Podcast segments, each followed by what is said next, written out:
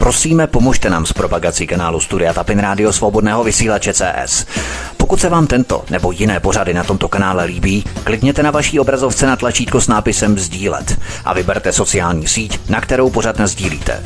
Jde o pouhých pár desítek sekund vašeho času. Děkujeme. Příjemný, krásný, dobrý večer, dámy a pánové, milí posluchači od mikrofonu svobodného vysílače nebo na kanále Odisí vás zdraví. Vítek, vítám vás při pokračování druhého dílu nebo druhé části pětidílného cyklu Válka proti Jugoslávii. Co jsme slyšeli v prvním díle? Po předmluvě, která obsahovala základní vstupní fakta o válce proti Jugoslávii a i obsahu, jsem vstoupil do první kapitoly ohledně ekonomické demontáže Jugoslávie. Finančníci se jí nejprve pokusili položit na kolena přes centrální banky a peněžní systémy, ovšem to se nepodařilo. Musel se proto přistoupit k tvrdému bombardování. Tohle bylo nutné vysvětlit si v rámci projekce historického pozadí. Jugoslávie začala drtit šoková terapie Mezinárodního měnového fondu a Světové banky. Neviditelná ruka trhu, bez ohledu na preference místních vlád a lidí. Jugoslávii byl vnucený bankrotní program, série půjček a dluhů, u kterých bylo jasné, že je nikdy nemohou splatit. A na její splácení se museli vzít další půjčky od stejných institucí, kterým spláceli prvotní dluhy. Spirála se roztočila, konec konců známe to z naší vlastní praxe. Na dluzích a úvěrovaných vládách stojí přece veškerý západní kapitalismus. Vlády jako pes na řetězu nekonečného splácení dluhů a půjček, nebo alespoň úroků z nich. Továrny a fabriky v Jugoslávii začaly propouštět takzvané přebytečné pracovníky – Známe to, eufemisticky se to nazývá zeštíhlování, respektive restrukturalizace v koloniálním stylu. Jednoduše volný trh. Podíval jsem se také na to, jak Západ převzal kosovské nerostné bohatství, na které si brousil zuby ještě před samotným bombardováním. Následně byl nainstalovaný mafiánský stát – O tom všem jsem hovořil v první části, která byla pro mnohé z nás poněkud nezáživnější. Tahle slibuji bude popisnější a příběhovatější, jak jsem řekl na konci minulého dílu.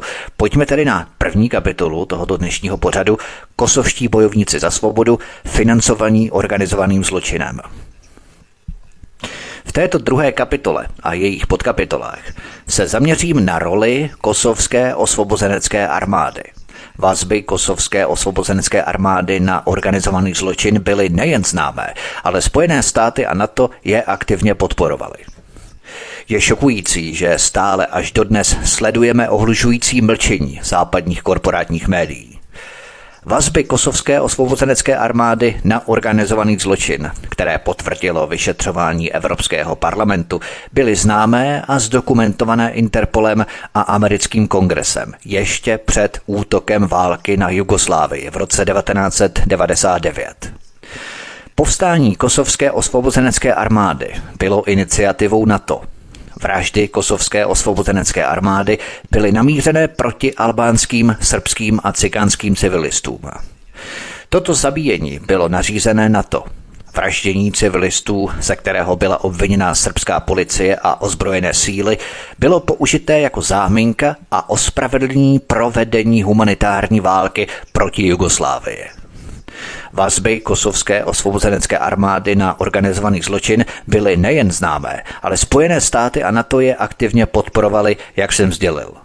Výsledkem toho všeho byl vznik něčeho, co lze nejlépe popsat jako mafiánský stát. Vůdce kosovské osvobozenecké armády Hashim Tači, také přezdívaný jako Had, který se později stal premiérem, byl chráněncem Medlin Albrightové – Pojďme tedy na další kapitolu. Hashim Tači a Medlin Albrightová, Rambolie, prosinec 1998. Tento projekt NATO, podporovaný OSN, měl za cíl přivést teroristickou organizaci napojenou na albánské, italské zločinecké syndikáty do civilní politiky. NATO si vybralo kosovskou osvobozeneckou armádu, aby vytvořila vládu integrovanou známými zločinci – Demokratická strana Kosova, v jejímž čele stál bývalý velitel kosovské osvobozenecké armády Hashim Tači, je v podstatě odnoží bývalé kosovské osvobozenecké armády. Demokratická strana Kosova si zachovala vazby na organizovaný zločin. Všichni tři kosovští premiéři v nedávné historii Ramuš Haradin, Agin Cegu a Hashim Tači jsou známí zločinci. Hashim Tači se v roce 2016 stal kosovským prezidentem. Pojďme na další kapitolu Hashim Tači a bývalý generální tajemník Evropské unie Javier Solana. V roce předcházejícím bombardování Jugoslávie v roce 1999 byla kosovská osvobozenecká armáda zcela otevřeně podporovaná Clintonovou administrativou a někteří členové kosovské osvobozenecké armády v čele se současným kosovským premiérem Hashimem Tačim, která financovala své válečné úsilí prodejem heroinu, byli vycvičení v teroristických táborech vedených mezinárodním úprchlíkem Usámou bin Ládinem, hledaným v souvislosti s bombovými útoky na dvě americká velvyslanectví v Tanzánii a Keni v roce 1998, při kterých zahynulo 224 osob, včetně 12 Američanů. Členové kosovské osvobozenecké armády, které Clintonova administrativa přijala v rámci 78 trvající bombardovací kampaně NATO s cílem přivést jugoslávského prezidenta Slobodana Miloševiče k jednacímu stolu, byly podle nově získaných zpravodajských informací vycvičení v tajných táborech v Afghánistánu, Bosně a Hercegovině i jinde. Ze zpráv také vyplývá, že kosovská osvobozenecká armáda získala islámské teroristy, tedy členy mujahedínů, jako vojáky do probíhajícího konfliktu proti Srbsku a že mnozí z nich už byli propašovaní do Kosova, aby se zapojili do boje. Zprávy z pravodajských služeb dokumentují to, co je označované jako spojení mezi Bin Ládinem, uprchlým saudským miliardářem a kosovskou osvobozeneckou armádou, včetně společné základny v balkánském Tropoji, centru islámských teroristů. Ve zprávách se také uvádí, že Bin Ládinova organizace, známá jako Al-Qaida, cvičila a finančně podporovala kosovskou osvobozeneckou armádu.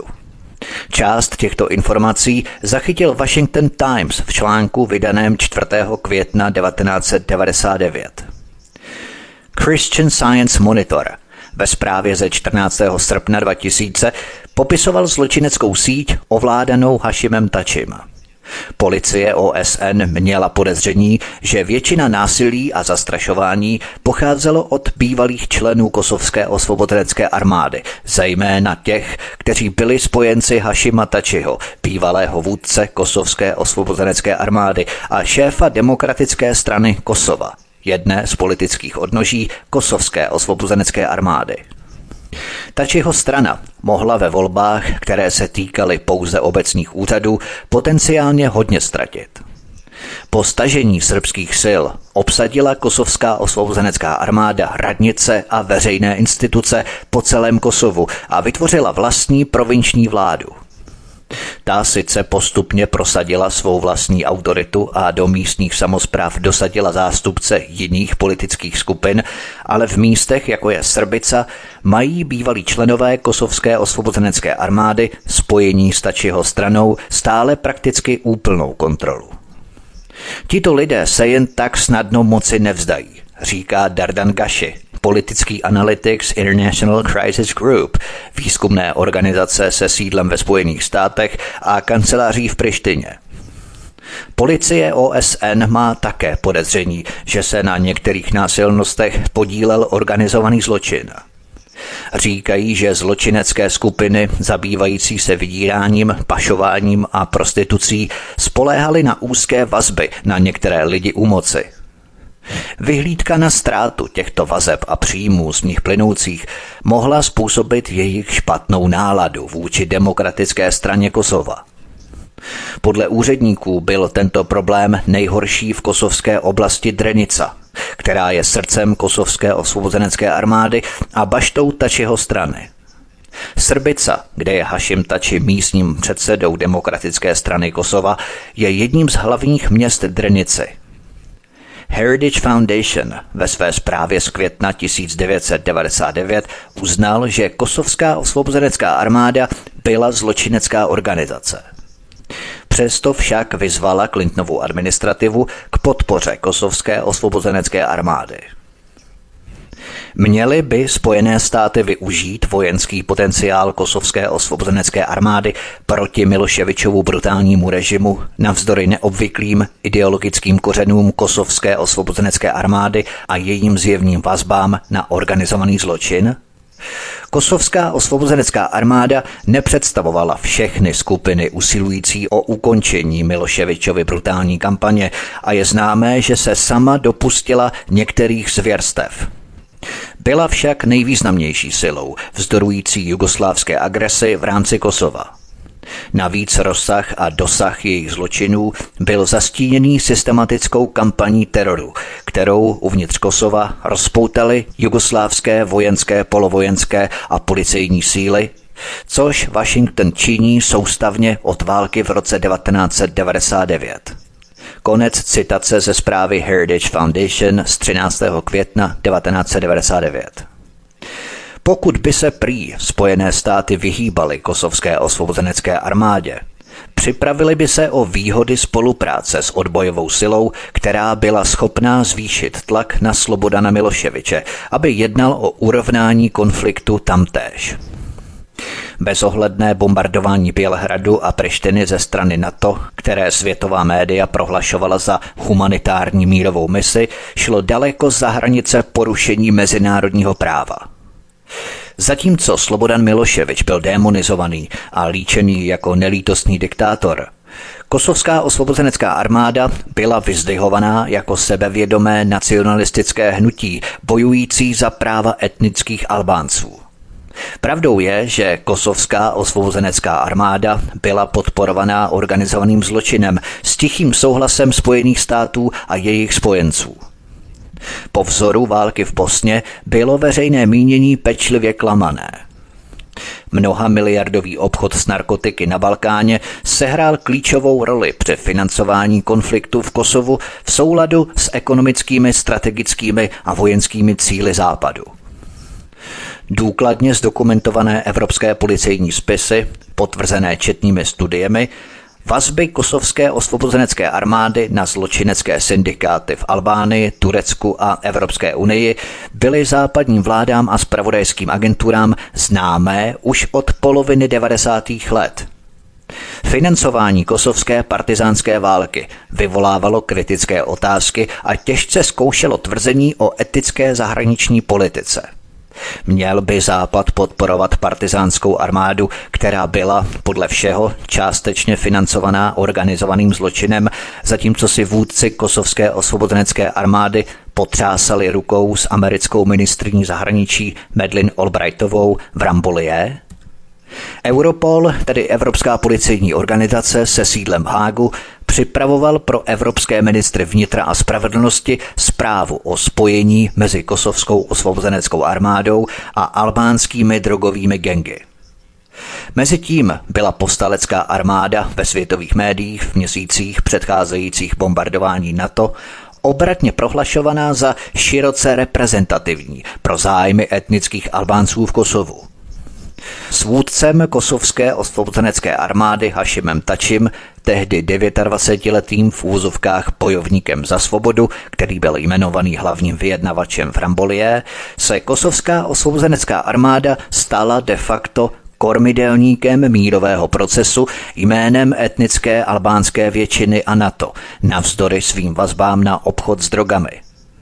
Západ se spoléhal na to, že jeho loutky z kosovské osvobozenecké armády orazítkují dohodu, která by z Kosova udělala okupované území pod zprávou západu. Ironií osudu Robert Gelbart, zvláštní americký vyslanec pro Bosnu, před pár lety označil kosovskou osvobozeneckou armádu za teroristy. Christopher Hill, hlavní americký vyjednavač a architekt dohody s Rambolie, byl také silným kritikem kosovské osvobozenecké armády za její obchody s drogami. Navíc sotva dva měsíce před Ramboliem americké ministerstvo zahraničí přiznalo na základě zpráv americké pozorovatelské mise roli kosovské osvobozenecké armády při terorizování a vykořeňování etnických Albánců. Cituji. Představitelé kosovské osvobozenecké armády vyhrožovali vesničanům, že je zabijí a vypálí jejich domy, pokud se nepřidají k nim. Konec citace. Byl to proces, který pokračoval od bombardování NATO. Pro následování ze strany kosovské osvobozenecké armády dosáhlo takové intenzity, že obyvatelé šesti vesnic v oblasti Stilnie byli připraveni utéct. Zatímco Západ podporoval hnutí za svobodu napojené na obchod s drogami, Zdálo se, že hodlal obejít i civilní kosovskou demokratickou ligu a jejího vůdce Ibrahima Rugovu, který vyzval k ukončení bombardování a vyjádřil přání jednat s jugoslávskými úřady o mírovém urovnání. Stojí za to připomenout, že několik dní před jeho tiskovou konferencí 31. března byl Ibrahim Rugova podle informací kosovské osvobozenecké armády spolu s dalšími třemi vůdcemi, včetně Fehmiho Aganiho, zabitý Srby. Pojďme na další kapitolu Tajné financování bojovníků za svobodu. Vzpomínáte si na Olivera Norta a obrovskou aféru Irán-Contras? Pokryl jsem to v krvavé historii CIA téměř před rokem.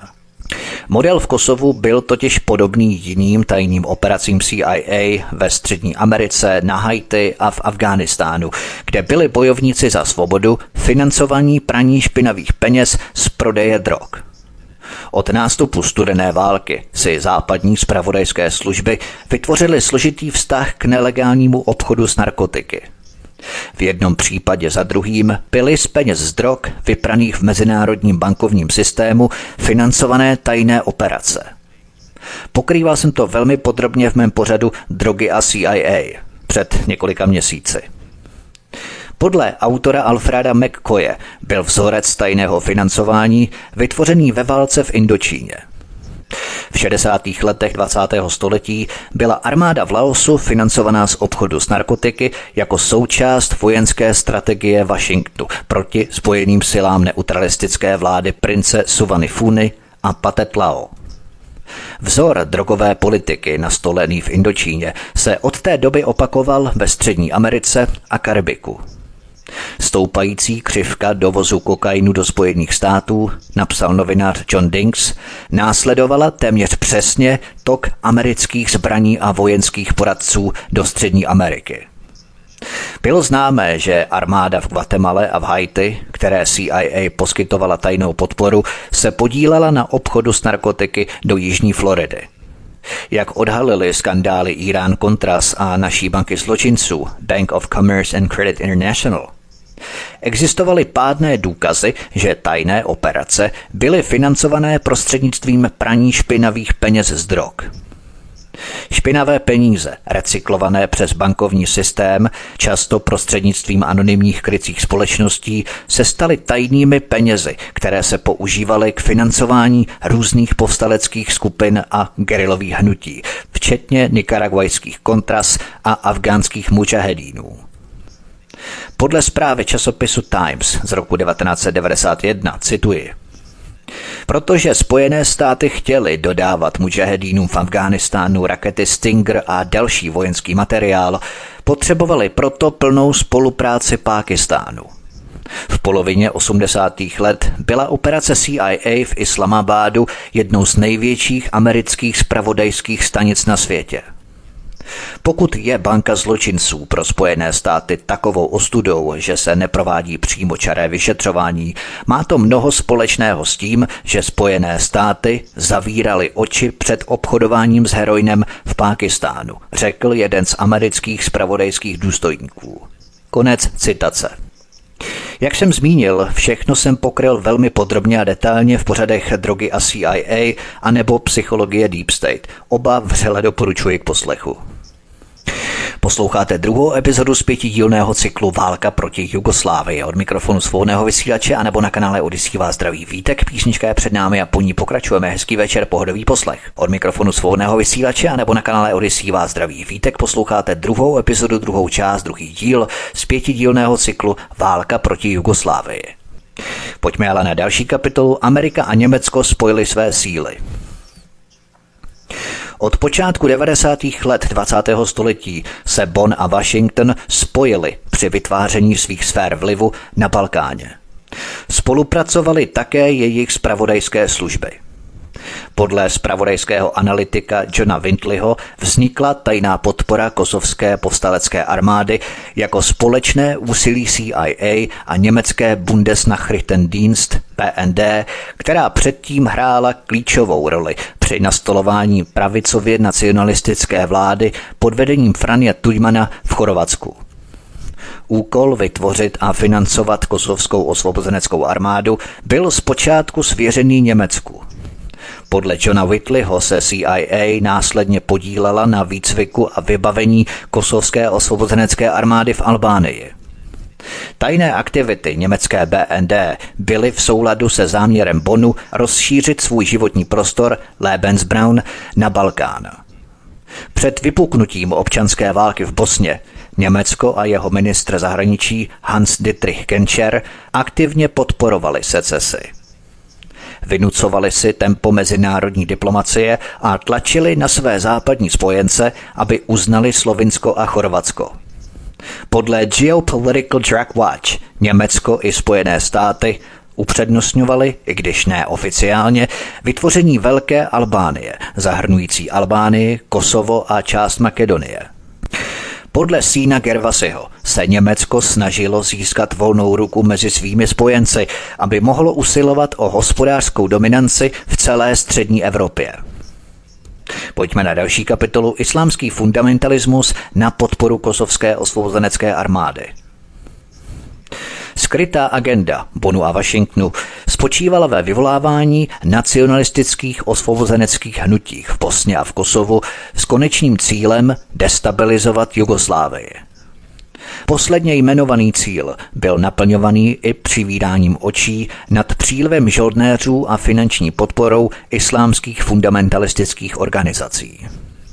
Žoldnéři, financovaní Saudskou Arábií a Kuwaitem, bojovali v Bosně a bosenský vzor se opakoval i v Kosovu. Žoldnéři mučahedíni z různých islámských zemí bojovali po boku kosovské osvobozenecké armády v Kosovu.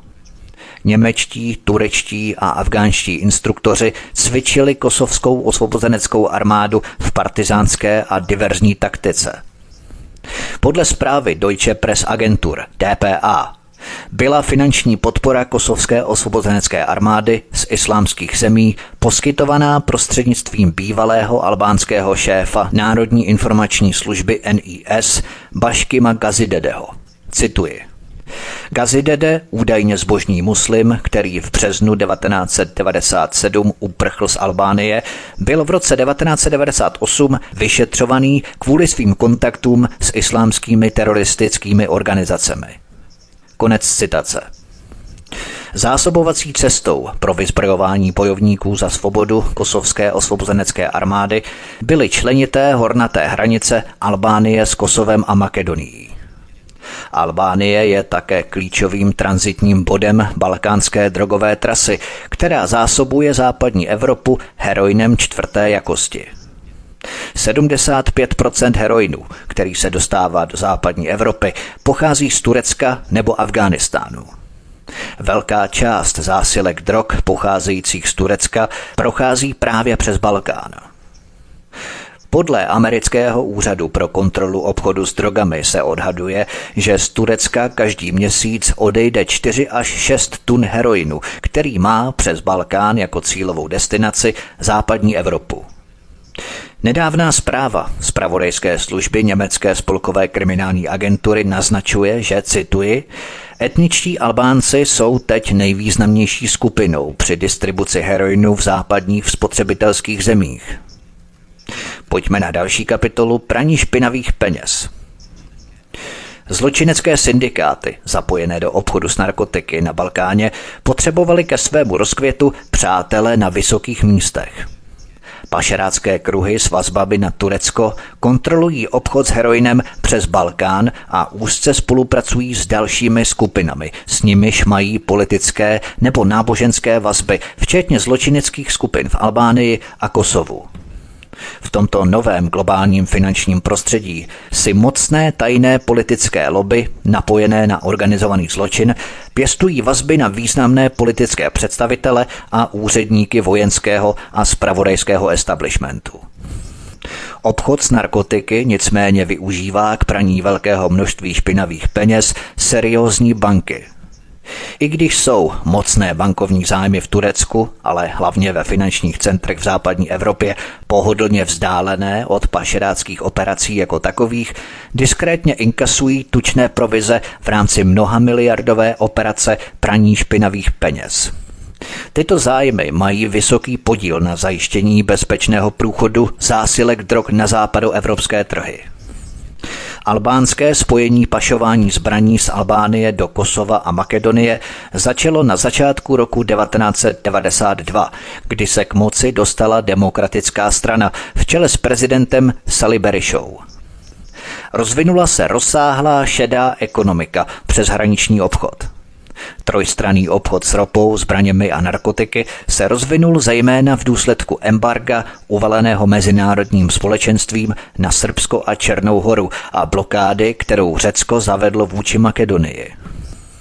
Průmysl a zemědělství v Kosovu byly přivedené k bankrotu v důsledku smrtící ekonomické medicíny Mezinárodního měnového fondu uvalené na Bělehrad v roce 1990. Na Jugoslávii bylo uvalené embargo. Etničtí Albánci a Srbové byli uvrženi do propastné chudoby. Tento hospodářský kolaps vytvořil prostředí, které podpořilo rozvoj nelegálního obchodu. V Kosovu zrostla míra nezaměstnanosti na závratných 70% Chudoba a hospodářský kolaps přispěly k vyostření doutnajícího etnického napětí.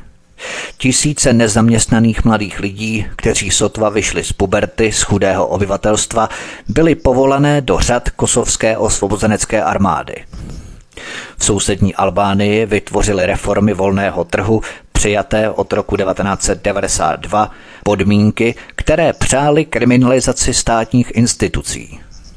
Peníze z drog se praly také v albánských pyramidách, takzvaných Ponziho schématech, které se rozmohly jako houby po dešti za vlády bývalého prezidenta Saliho Beriši mezi lety 1992 až 1997. Tyto pochybné investiční fondy byly nedílnou součástí hospodářských reform, které Albánii způsobily západní věřitelé. Novými ekonomickými elitami se v Kosovu, Albánii a Makedonii stali drogoví baroni s vazbami na italskou mafii, často spojení se západními obchodními zájmy. Finanční výnosy z obchodu s drogami a zbraněmi se zase recyklovaly do dalších nezákonných činností a naopak. Včetně rozsáhlého prostitučního biznisu mezi Albánií a Itálií. Albánské zločinecké skupiny působící v Miláně se staly tak mocnými provozovateli prostituce, že svou silou a vlivem dokonce předstihly Kalábrijce. Uplatňování silné ekonomické medicíny pod vedením washingtonských Bretton institucí přispělo k rozbití albánského bankovního systému a urychlilo kolaps albánského hospodářství. Vzniklý chaos umožnil americkým a evropským nadnárodním společnostem pečlivě zaujmout pozice. Několik západních ropných společností, včetně Accidental, Shell a British Petroleum, upřelo svůj zrak na albánská, bohatá a neproskoumaná ložiska ropy.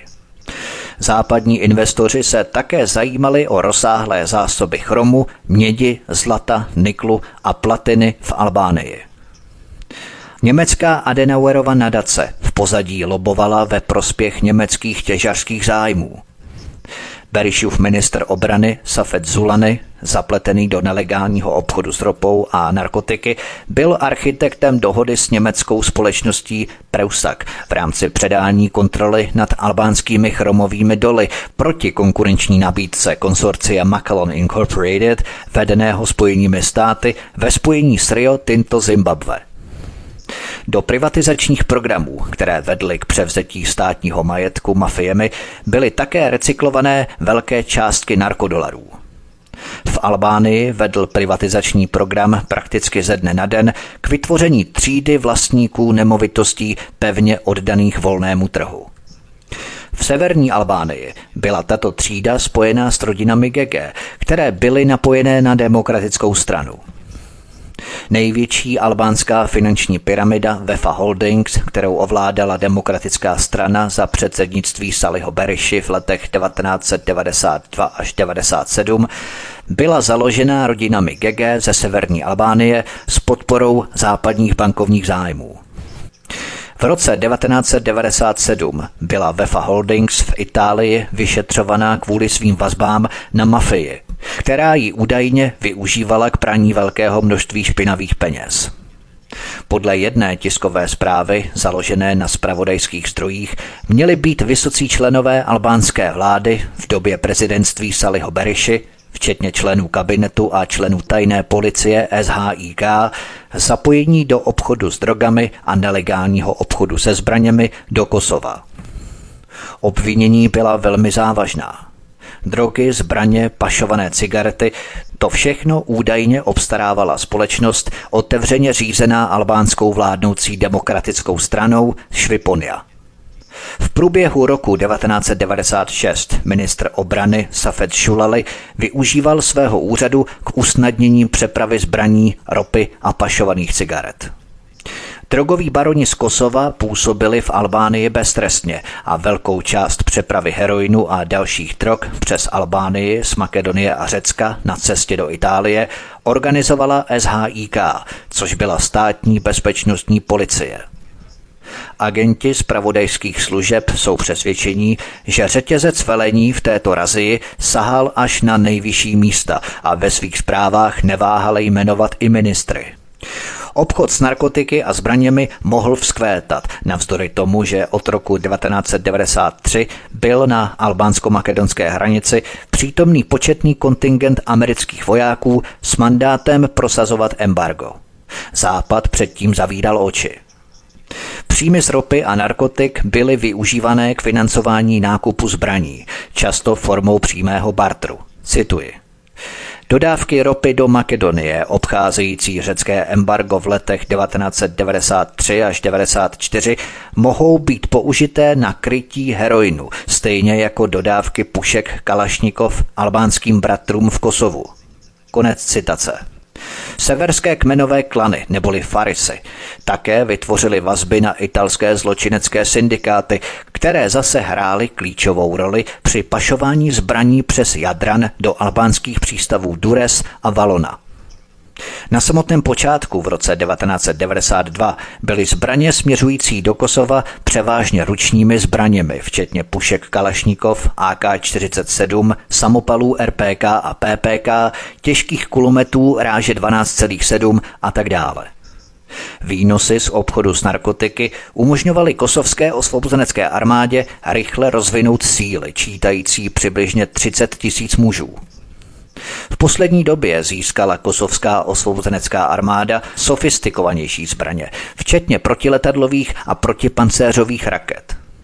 Podle Bělehradu část finančních prostředků pochází přímo od CIA, která je dodávala prostřednictvím tzv. kosovské vlády se sídlem v Ženevě ve Švýcarsku. Její washingtonská pobočka zaměstnávala firmu Ruderfin, která je známá svými pomluvami bělehradské vlády. Vzpomínáte si na mou libýskou trilogii? Přesně tam jsem řešil tuto PR agenturu Ruderfin, která spíárovala masakr ve Srebrenice, ale už jak si opomněla dodat, že předtím řadu měsíců místní muslimové stínali hlavy Srbům v okolních srbských vesnicích. Agentura Ruderfin sehrála významnou roli PR proti Srbsku. Kosovská osvobozenecká armáda si také pořídila elektronické sledovací zařízení, které jí umožnilo přijímat satelitní informace NATO o pohybu jugoslávské armády.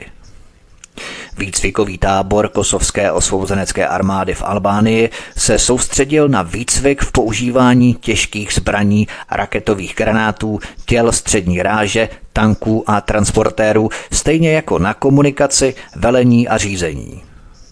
Tyto rozsáhlé dodávky zbraní kosovské povstalecké armádě byly v souladu s geopolitickými cíly západu.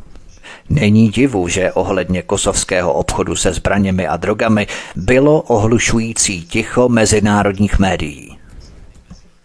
Slovy zprávy organizace Geopolitical Drug Watch z roku 1994 cituji, Obchod s drogami a zbraněmi je v podstatě posuzovaný podle svých geostrategických důsledků.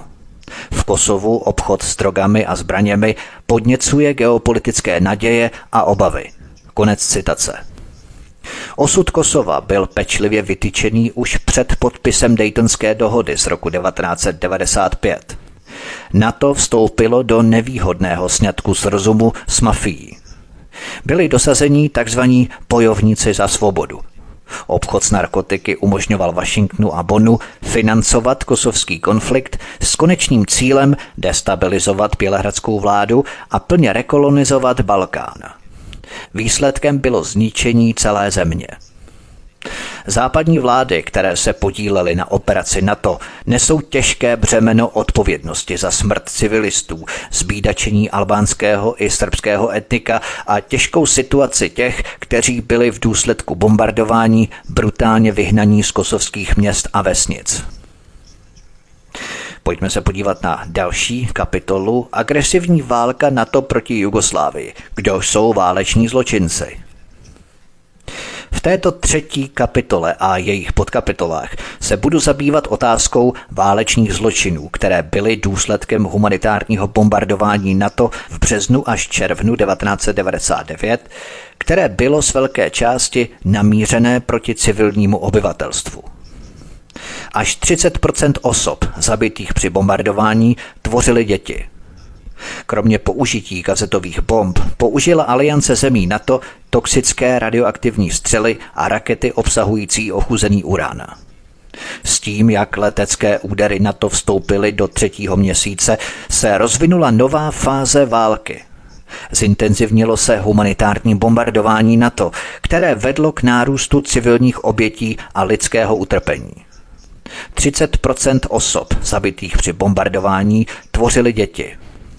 Kromě používání kazetových bomb vedla aliance jadernou válku nízké intenzity s použitím toxických radioaktivních střel a raket obsahujících ochuzený urán. Radioaktivní spad způsobuje rakovinu, která může postihnout miliony lidí na několik generací dopředu. Podle tehdejší vědecké zprávy byly v Jugoslávii od začátku bombardování pozorované první příznaky ozáření u dětí, včetně oparů na ústech a kožních vyrážek na zádech a kotnících. Kromě radioaktivního spadu, který zamořil životní prostředí a potravinový řetězec, bombardovala aliance také hlavní jugoslávské chemické a farmaceutické závody – Bombardování největší jugoslávské továrny na léky Galenika přispělo k uvolňování nebezpečných vysoce toxických výparů. Když síly NATO v polovině dubna bombardovaly závody petrochemického komplexu v Pančevu, vypukl požár a vyteklo obrovské množství chloru, etylendychloridu a vinylchlorid monomeru. Pracovníci v Pančevu v obavách z dalších bombardovacích útoků, při kterých by nebezpečné materiály vybuchly, vypustili do Dunaje tuny etylendy chloridu, který je karcinogenní. Posloucháte druhou epizodu z pětidílného cyklu Válka proti Jugoslávii. Od mikrofonu svobodného vysílače a nebo na kanále Odisí vás zdraví vítek. Písnička je před námi a po ní pokračujeme. Hezký večer, pohodový poslech. Od mikrofonu svobodného vysílače a nebo na kanále Odisí vás zdraví vítek. Posloucháte druhou epizodu, druhou část, druhý díl z pětidílného cyklu Válka proti Jugoslávii. Pojďme na další kapitolu NATO na záchranu etnických Albánců. Etničtí Albánci nebyli náletů NATO ušetření. Zabíjení etnických Albánců v Kosovu bylo prý nevyhnutelné při provádění humanitární operace ve prospěch etnických Albánců. Kromě dopadů pozemní války mezi kosovskou osvobozeneckou armádou a jugoslávskými ozbrojenými silami byly bombardování a následný radioaktivní spad v Kosovu ničivější než ve zbytku Jugoslávie. Důkazy, které byly prezentované jako humanitární mise, plně potvrdily, že brutální nálety NATO na města i vesnice v Kosovu vyvolaly exodus uprchlíků. Ti, kteří uprchli ze svých domovů do uprchlických táborů v Makedonii a Albánii, se neměli kam vrátit, neměli se na co těšit. Celá země byla zničená, její civilní průmysl a veřejná infrastruktura se proměnily v trosky. Mosty, elektrárny, školy a nemocnice byly zaměřené jako legitimní vojenské cíle, vybrané kombinovaným střediskem vzdušních operací NATO v italské Vicenze a pečlivě ověřené předtím, než pilot provedl samotný úder. Vzhledem k tomu, že diplomatická výměna stále pokračovala, byla aliance odhodlaná způsobit jugoslávské ekonomice, včetně Kosova, co největší škody před dosažením mírové iniciativy zprostředkované skupinou G8, která jí zmocnila k vyslání pozemních jednotek. Alianční velitelé neustále rozšiřovali seznam hospodářských cílů. Dopad náletů NATO stále častěji připravoval lidi o práci – Způsoboval nedostatek vody v Bělehradě, Novém Sadu a dalších srbských městech. Důsledkem bylo uzavření podniků, zatížení schopností nemocnic fungovat a přerušení dodávek vody. Bylo poškozeno přibližně 115 zdravotnických zařízení, ze kterých několik bylo zcela zdemolovaných. Pacienti nemocnic, včetně dětí a starých lidí, umírali kvůli nedostatkům vody a elektřiny. Generál Wesley Clark, vrchní velitel NATO v Evropě, koncem května potvrdil, že letecká kampaň NATO ještě nedosáhla svého vrcholu a aliance by měla být připravená na další civilní oběti. Generál Wesley Clark také potvrdil, že bude usilovat o zvýšení počtu leteckých úderů v Kosovu a rozšíření okruhů cílů. S tím, jak bombardování vstoupilo do třetího měsíce, došlo také k nápadné změně rétoriky NATO. Aliance se stávala čím dál tím víc bezohlednější. Představitelé NATO se už neomlouvali za civilní oběti a tvrdili, že tyto oběti přispívají k pomoci Miloševičově propagandistické mašinérii. Rozšíření konfliktu za hranice Balkánu, utopené v záplavě mediálních obrazů a sebestředních analýz, zůstávaly širší strategické zájmy a ekonomické příčiny války nezměněné. Zesnulý sín Gervasy v roce 1995 předvídal blížící se válku. Podle Gervasyho, cituji, sahaly strategické cíle Washingtonu daleko za Balkán – do značné míry spočívaly v nastolení režimu západního typu v Jugoslávii a zmenšení geografické rozlohy moci a vlivu Srbska na minimum. V tomto kontextu představuje instalace americké moci v Jižní Evropě a Středomoří také krok k rozšíření geopolitické sféry vlivu Washingtonu mimo Balkán do oblasti Kaspického moře, Střední Asie a Západní Asie. V tomto ohledu představoval vojenský zásah NATO v Jugoslávii v rozporu s mezinárodním právem také nebezpečný precedens. Poskytl legitimitu budoucím vojenským intervencím. Konec citace. Jak dnes víme, tato legitimita byla velmi důležitá při dalších napadeních. K dosažení strategických cílů byly destabilizované národní ekonomiky, financované regionální konflikty prostřednictvím poskytování tajné podpory ozbrojených povstání. Jinými slovy, konflikt v Jugoslávii vytvořil podmínky, které poskytly legitimitu budoucím zásahům NATO aliance. Jinými slovy, konflikt v Jugoslávii vytvořil podmínky, které poskytly legitimitu budoucím zásahům aliance do vnitřních záležitostí suverénních států. Upevňování amerických strategických zájmů ve východní Evropě a na Balkáně a dále bylo poznamenané nejen rozšířením NATO, vstupem Maďarska, Polska a České republiky za členy NATO pouhé dva týdny před začátkem bombardování. Válka v Jugoslávii se také časově shodovala s kritickým rozštěpením geopolitického uspořádání v rámci společenství nezávislých států SNS.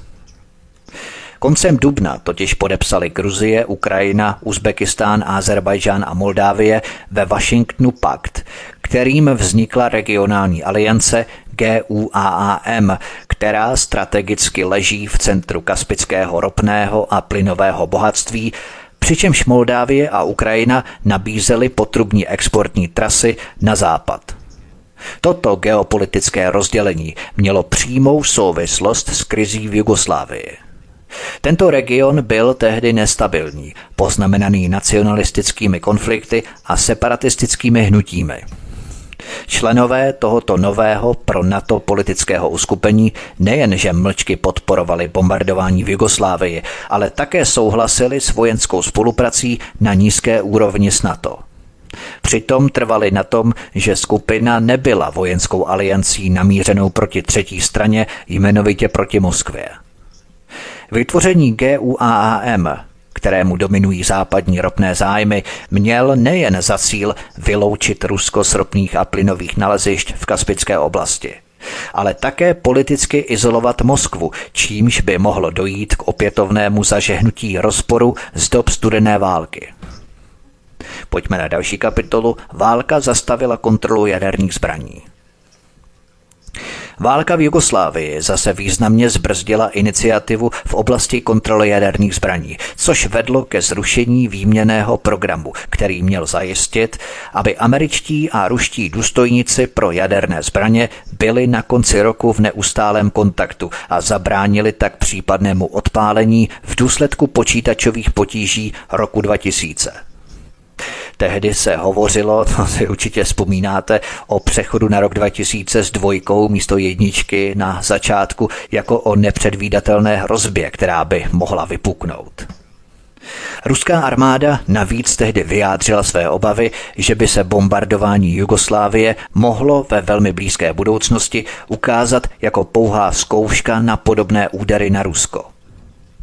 Podle doktorky Mary Wine Ashfordové, spolupředsedkyně Mezinárodní organizace lékařů za prevenci jaderné války, která získala také Nobelovu cenu míru, byl dopad bombardování Jugoslávie ze strany NATO na politiku jaderných zbraní mimořádně závažný.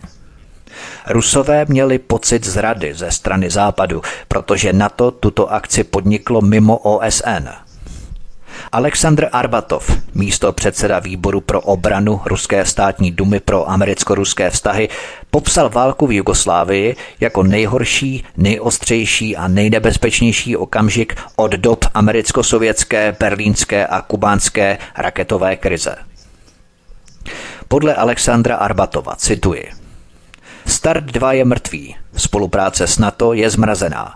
Spolupráce v oblasti protiraketové obrany nepřipadá v úvahu a ochota Moskvy spolupracovat v otázkách nešíření jaderných zbraní je na historickém minimu. Navíc jsou protiamerické nálady v Rusku skutečné, hluboké a rozšířené více než kdy jindy a slogan popisující činnost NATO dnes Srbsko, zítra Rusko je hluboce zasazený do myslí Rusů. Konec citace. Doktorka Mary Wine Ashfordová také varovala, že zatímco Rusko směřovalo k integraci s Evropou, teď Rusové vnímali svou hlavní hrozbu ze západu.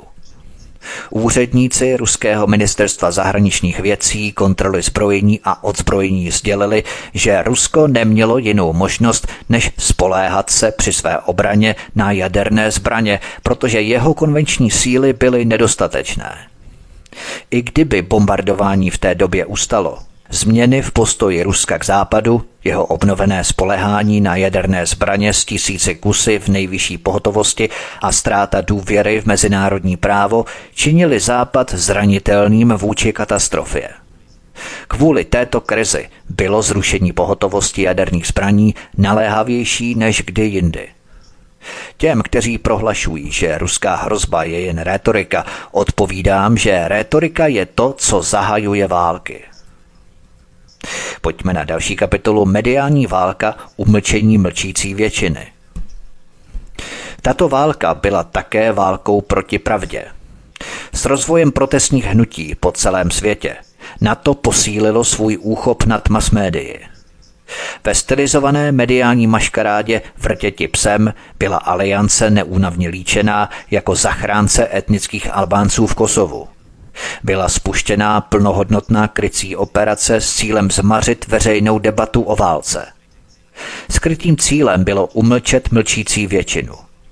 Západní média, která plně vyhovují požadavkům aliance NATO, hrubě klamala veřejné mínění. Na televizních obrazovkách se nenuceně zobrazovala úmrtí civilistů, která byla ospravedlňovaná jako nevyhnutelné vedlejší škody. Podle Pentagonu neexistovalo nic takového jako čistý boj. Mezitím byli protiváleční komentátoři, včetně bývalých velvyslanců a představitelů OBSE, pečlivě odstranění z hlavních veřejnoprávních pořadů.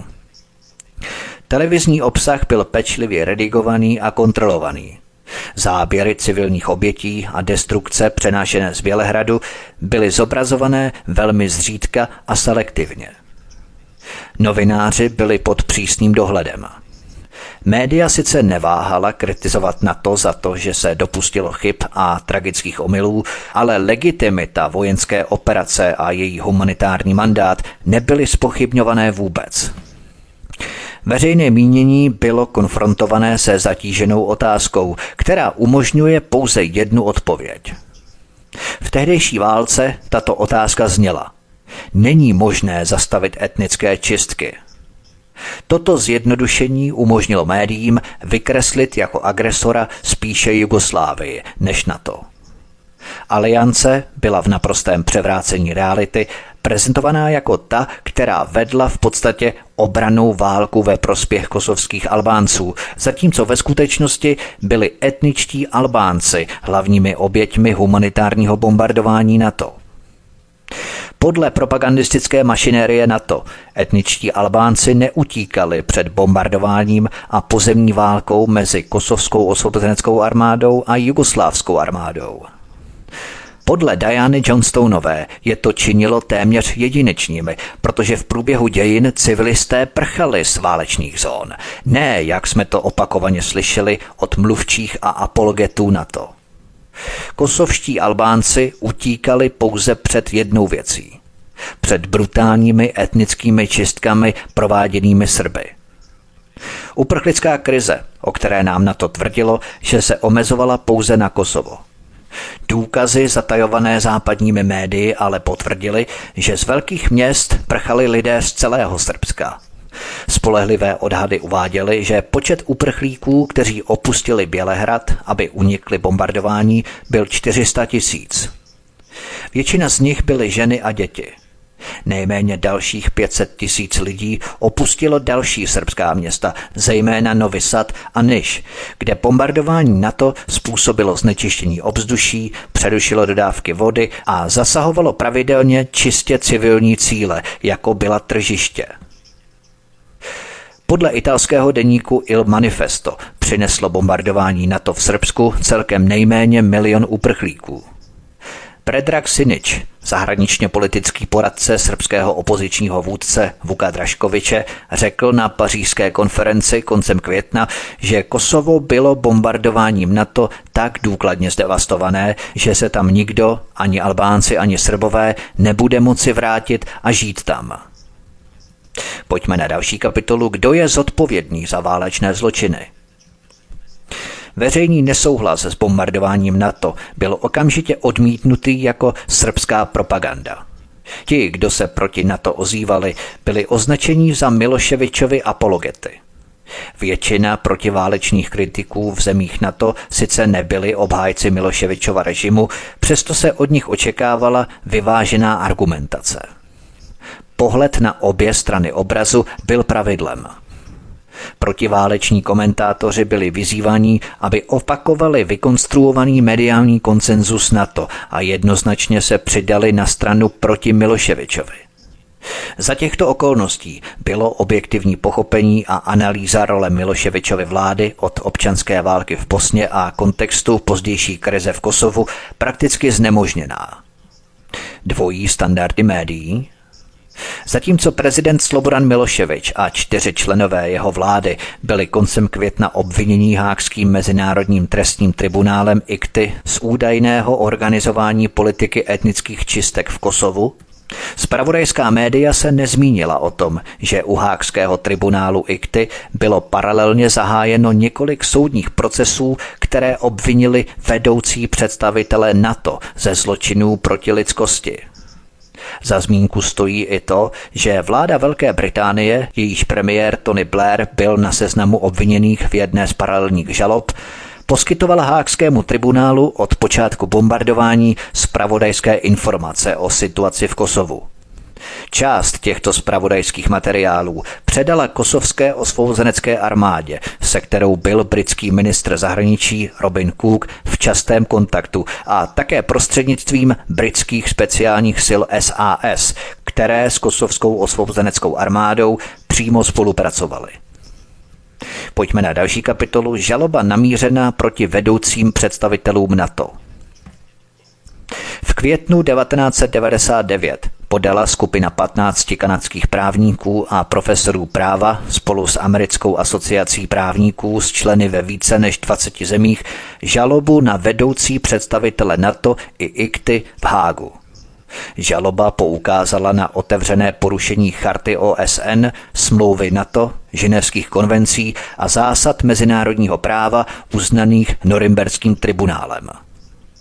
Poslední z nich činil, cituji, plánování, příprava, zahájení nebo vedení útočné války nebo války v rozporu s mezinárodními smlouvami, dohodami nebo ujištěními za zločin. Konec citace. Seznam zločinů, kterých se údajně dopustili vedoucí představitelé NATO, zahrnoval například, cituji, Umyslné zabíjení, umyslné způsobení velkého utrpení nebo vážné újmy na zdraví nebo těle, rozsáhlé ničení majetků, použití jedovatých zbraní, míněný radioaktivní spad nebo jiných zbraní ke způsobení zbytečného utrpení, bezohledné ničení měst, obcí nebo vesnic nebo devastace, která není odůvodněná vojenskou nutností. Konec citace. Podle mandátu IKTY Osoba, která plánovala, podněcovala, nařídila, spáchala nebo jinak napomáhala při plánování, přípravě nebo provedení trestného činu, je za tento trestný čin individuálně odpovědná a oficiální postavení obviněné osoby, ať už jako hlavy státu nebo vlády, nebo jako odpovědného vládního úředníka, nezbavuje takovou osobu trestní odpovědnosti ani nezmírňuje trest. Vysoká komisařka OSN pro lidská práva Mary Robinsonová, také bývalá irská prezidentka, 30. dubna v Ženevě potvrdila, že žalobce tribunálu pro válečné zločiny IKTY měl mandát nejen ke stíhání srbských sil, ale že pod drobnohled mohla přijít i kosovská osvobozenecká armáda a armáda NATO, pokud se ukáže, že došlo k závažnému porušení mezinárodního humanitárního práva. Podle Voltra J. Rocklera, bývalého prokurátora norimberského procesu s válečními zločinci, cituji. Bombardovací válka také porušuje a skartuje základní ustanovení charty OSN a dalších úmluv a smluv. Útok na Jugoslávii představuje nejbezostyšnější mezinárodní agresi od doby, kdy nacisté zaútočili na Polsko, aby zabránili polským zvěrstvům proti Němcům. Spojené státy odhodili nároky na mezinárodní zákonnost a slušnost a vydali se na cestu surového imperialismu v Ámoku. Konec citace. Posloucháte druhou epizodu z pětidílného cyklu Válka proti Jugoslávii. Od mikrofonu svobodného vysílače a nebo na kanále Odisí vás zdraví vítek. Písnička je před námi a po ní pokračujeme. Hezký večer, pohodový poslech. Od mikrofonu svobodného vysílače a nebo na kanále Odisí vás zdraví vítek. Posloucháte druhou epizodu, druhou část, druhý díl z pětidílného cyklu Válka proti Jugoslávii. Pojďme na další kapitolu Nejisté důkazy o humanitární katastrofě před bombardováním. V rámci zakrývání skutečných motivů NATO k zahájení války mezinárodní média rovněž nezmínila, že oficiální spravodajská zpráva německého ministerstva zahraničí použitá ke zjištění oprávněnosti politických uprchlíků z Kosova potvrdila, že v měsících bezprostředně předcházejících bombardování neexistovaly žádné důkazy o etnických čistkách v Kosovu. Kdo lže, Německý ministr zahraničí Joška Fischer ospravedlňoval zásah na to poukazem na humanitární katastrofu, ale interní dokumenty jeho vlastního ministerstva hovořily o pravém opaku. Ani v Kosovu nebylo možné ověřit explicitní politické pronásledování spojené s albánskou etnicitou. Východ Kosova stále nebyl zapojený do ozbrojeného konfliktu. Veřejný život ve městech jako Priština, Urosevač, Glinian a tak dále probíhal po celou dobu konfliktu na relativně normální bázi.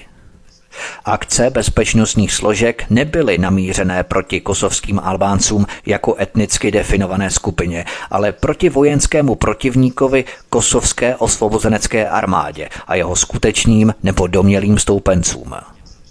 Po dohodě uzavřené se srbským vedením na konci roku 1998 se bezpečnostní situace i životní podmínky obyvatelstva albánského původu znatelně zlepšily. Zejména ve větších městech se od té doby veřejný život vrátil k relativnímu normálu.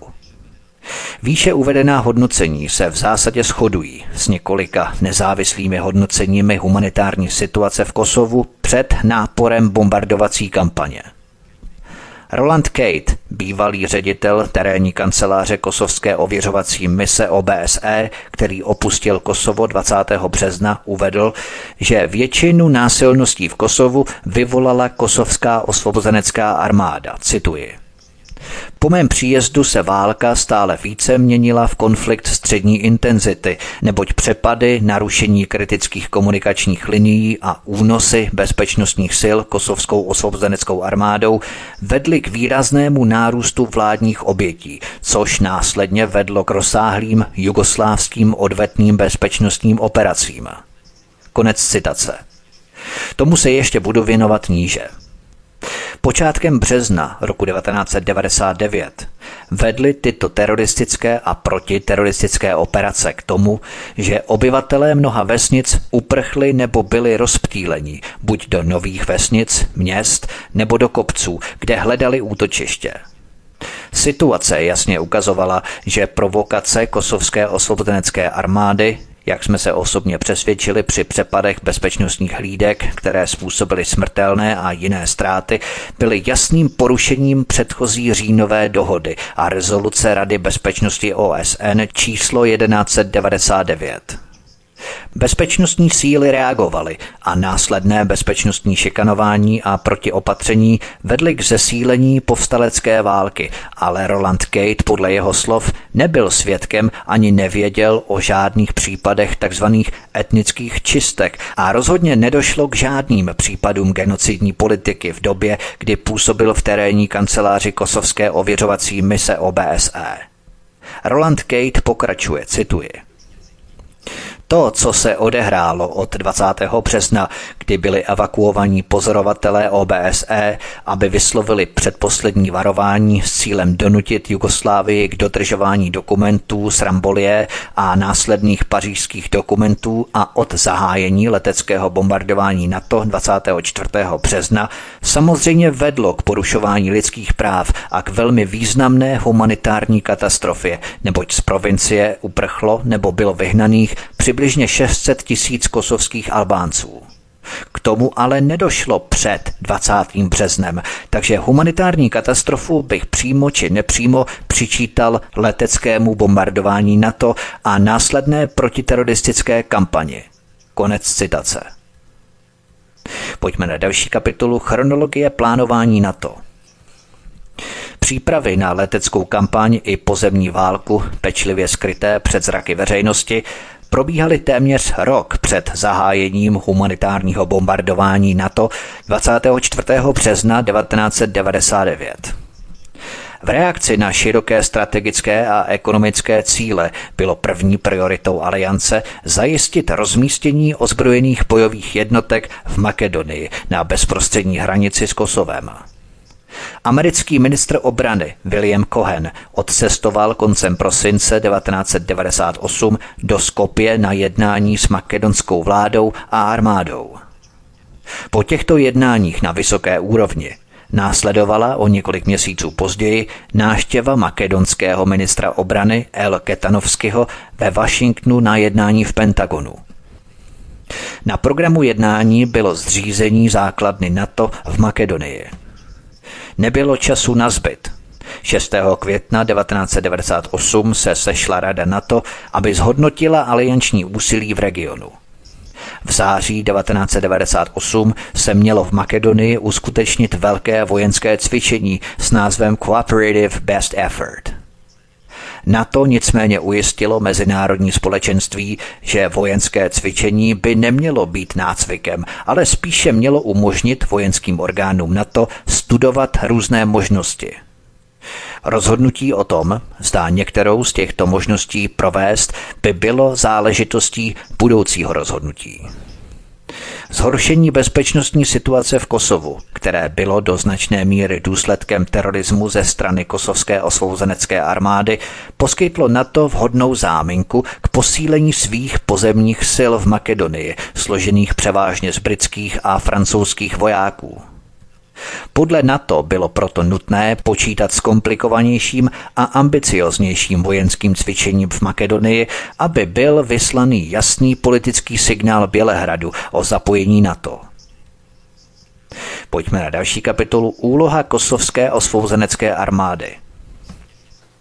Souběžně se zahájením vojenských operací v Albánii a Makedonii navázalo NATO přímé spojení s kosovskou osvobozeneckou armádou. Informační zpráva amerického ministerstva obrany v této souvislosti potvrdila, že počáteční kontakty mezi kosovskou osvobozeneckou armádou a NATO se uskutečnily v polovině roku 1998. Cituji.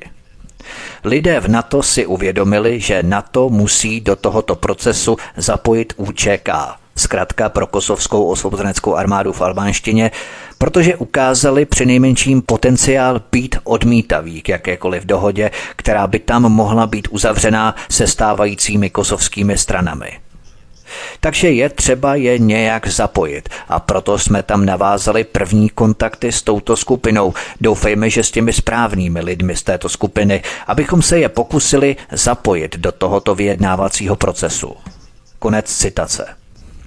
Zatímco tyto počáteční kontakty NATO oficiálně přiznalo až v polovině roku 1998, Kosovská osvobozenecká armáda a NATO dostala tajnou podporu a výcvik od CIA a německé Bundesnachrichtendienst BND už od poloviny 90. let.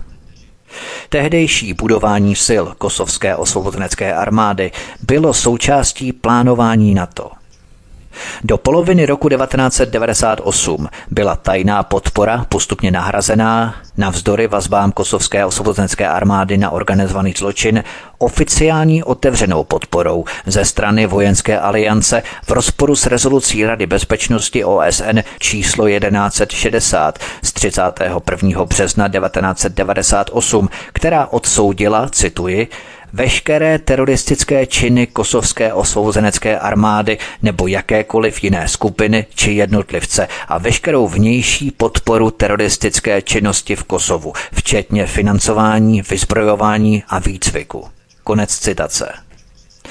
24. září 1998 byla přijatá další klíčová rezoluce Rady bezpečnosti OSN, rezoluce číslo 1199, která vyzvala orgány v Bělehradě a vedení kosovských Albánců, aby bez předběžných podmínek urychleně zahájili smysluplný dialog o otázkách politického statusu. Rezoluce také požadovala, aby Bělehrad stáhl své vojáky z Kosova.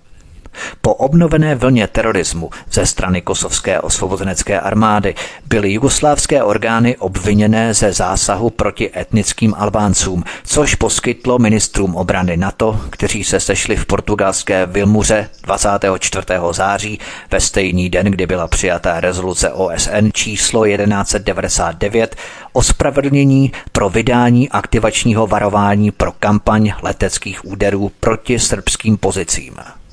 Prohlášení z portugalské Vilmury vyzvalo Bělehrad, aby okamžitě podnikl kroky ke zmírnění humanitární situace, zastavil represivní akce proti obyvatelstvu a hledal politické řešení prostřednictvím jednání s albánskou většinou.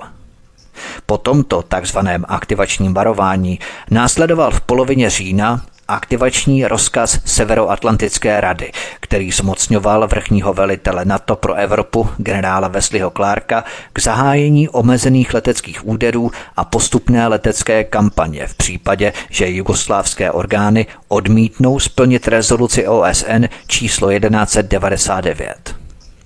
Pod hrozbou leteckých úderů provedl Bělehrad po přijetí rezoluce OSN číslo 1199 částečný ústup, čímž téměř okamžitě vytvořil podmínky pro to, aby kosovská osvobozenecká armáda obsadila ty pozice, které předtím držely ustupující srbské síly – Posílení kosovské osvobozenecké armády bylo naopak doprovázené obnovením teroristické činnosti a následným zhoršením bezpečnostní situace. Skrytým cílem NATO bylo v tomto ohledu využít povstání kosovské osvobozenecké armády k dalšímu vyvolání etnického napětí a sociálních rozporů v Kosovu. Mezitím americký vyslanec Richard Holbrook zahájil jednání s prezidentem Slobodanem Miloševičem. Pod hrozbou leteckých úderů NATO byla také v Prištině zahájená jednání o politickém statusu Kosova mezi srbskou delegací vedenou prezidentem Milanem Milutinovičem a Ibrahimem Rugovou, předsedou Demokratické ligy zastupující etnické Albánce. Zatímco americký vyslanec Christopher Hill byl na tato jednání pozvaný jako pozorovatel, Milan Milutinovič trval na tom, že jednání, která vycházela z rezoluce OSN číslo 1199, byla vnitřní záležitostí. Na základě dohody mezi americkým vyslancem Richardem Holbrookem a prezidentem Slobodanem Miloševičem měla Jugoslávie dokončit jednání o rámci pro politické urovnání do 2. listopadu 1998. Kromě toho byla v Kosovu pod záštitou Organizace pro bezpečnost a spolupráci v Evropě OBSE zřízená ověřovací mise, která měla zjistit dodržování rezolucí OSN číslo 1160 a 1199.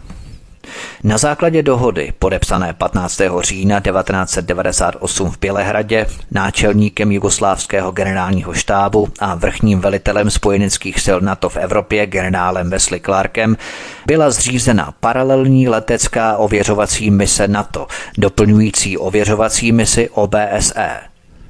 Podmínky obou ověřovacích dohod OBSE a NATO byly následně zakotvené v rezoluci Rady bezpečnosti OSN číslo 1260 ze 24. října. Zatímco Bělehradu byla daná 690-hodinová lhůta pro splnění požadavků, aliance se jednání prezidenta Slobodana Miloševiče a generála Wesleyho Clarka v Bělehradě 25. až 26. října 1998 rozhodla zahájení leteckých úderů odložit. Podle prohlášení aliance NATO bude i nadále připravené provést letecké operace, pokud to bude nutné. Mezitím NATO zahájilo operace Eagle Eye s využitím neozbrojených letounů a bezpilotních letounů. Pozorovací aktivity této operace Eagle Eye byly koordinované s pozemní ověřovací misí, kterou prováděly týmy pozorovatelů OBSE a Kosovská diplomatická pozorovatelská mise. V čele ověřovací mise OBSE stál bývalý úředník iránské kontrarozvědky. Mezitím byl do čela kosovské ověřovací mise OBSE jmenovaný kariérní diplomat Spojených států velvyslanec William G. Walker.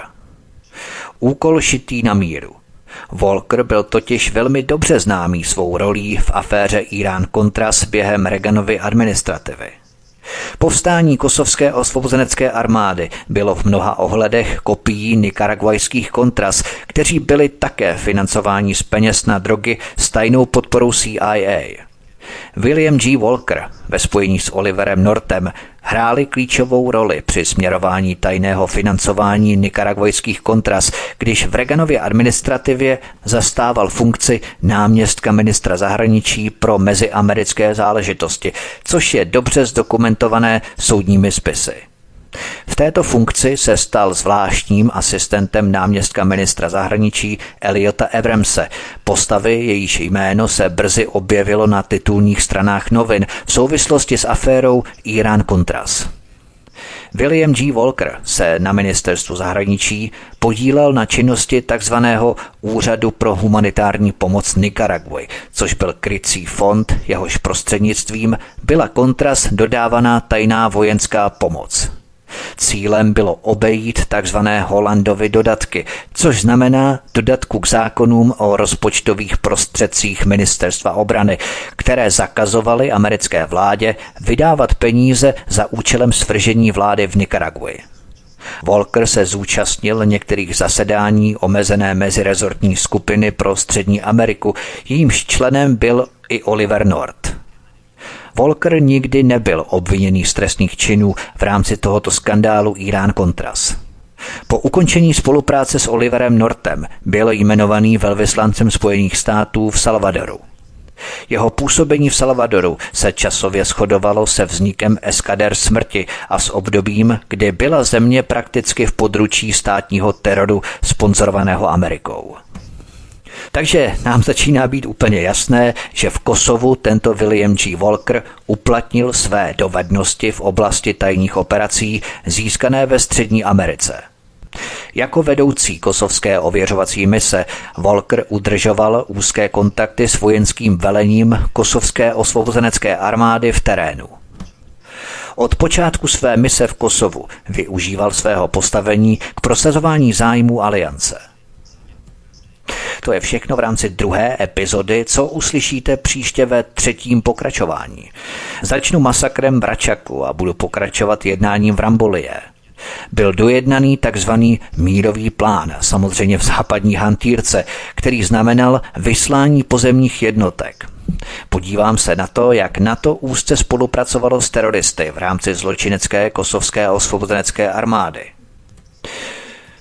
Situaci proskoumám ještě dál, protože žoldáci v Kosovu byli sponzorovaní samotným americkým Pentagonem.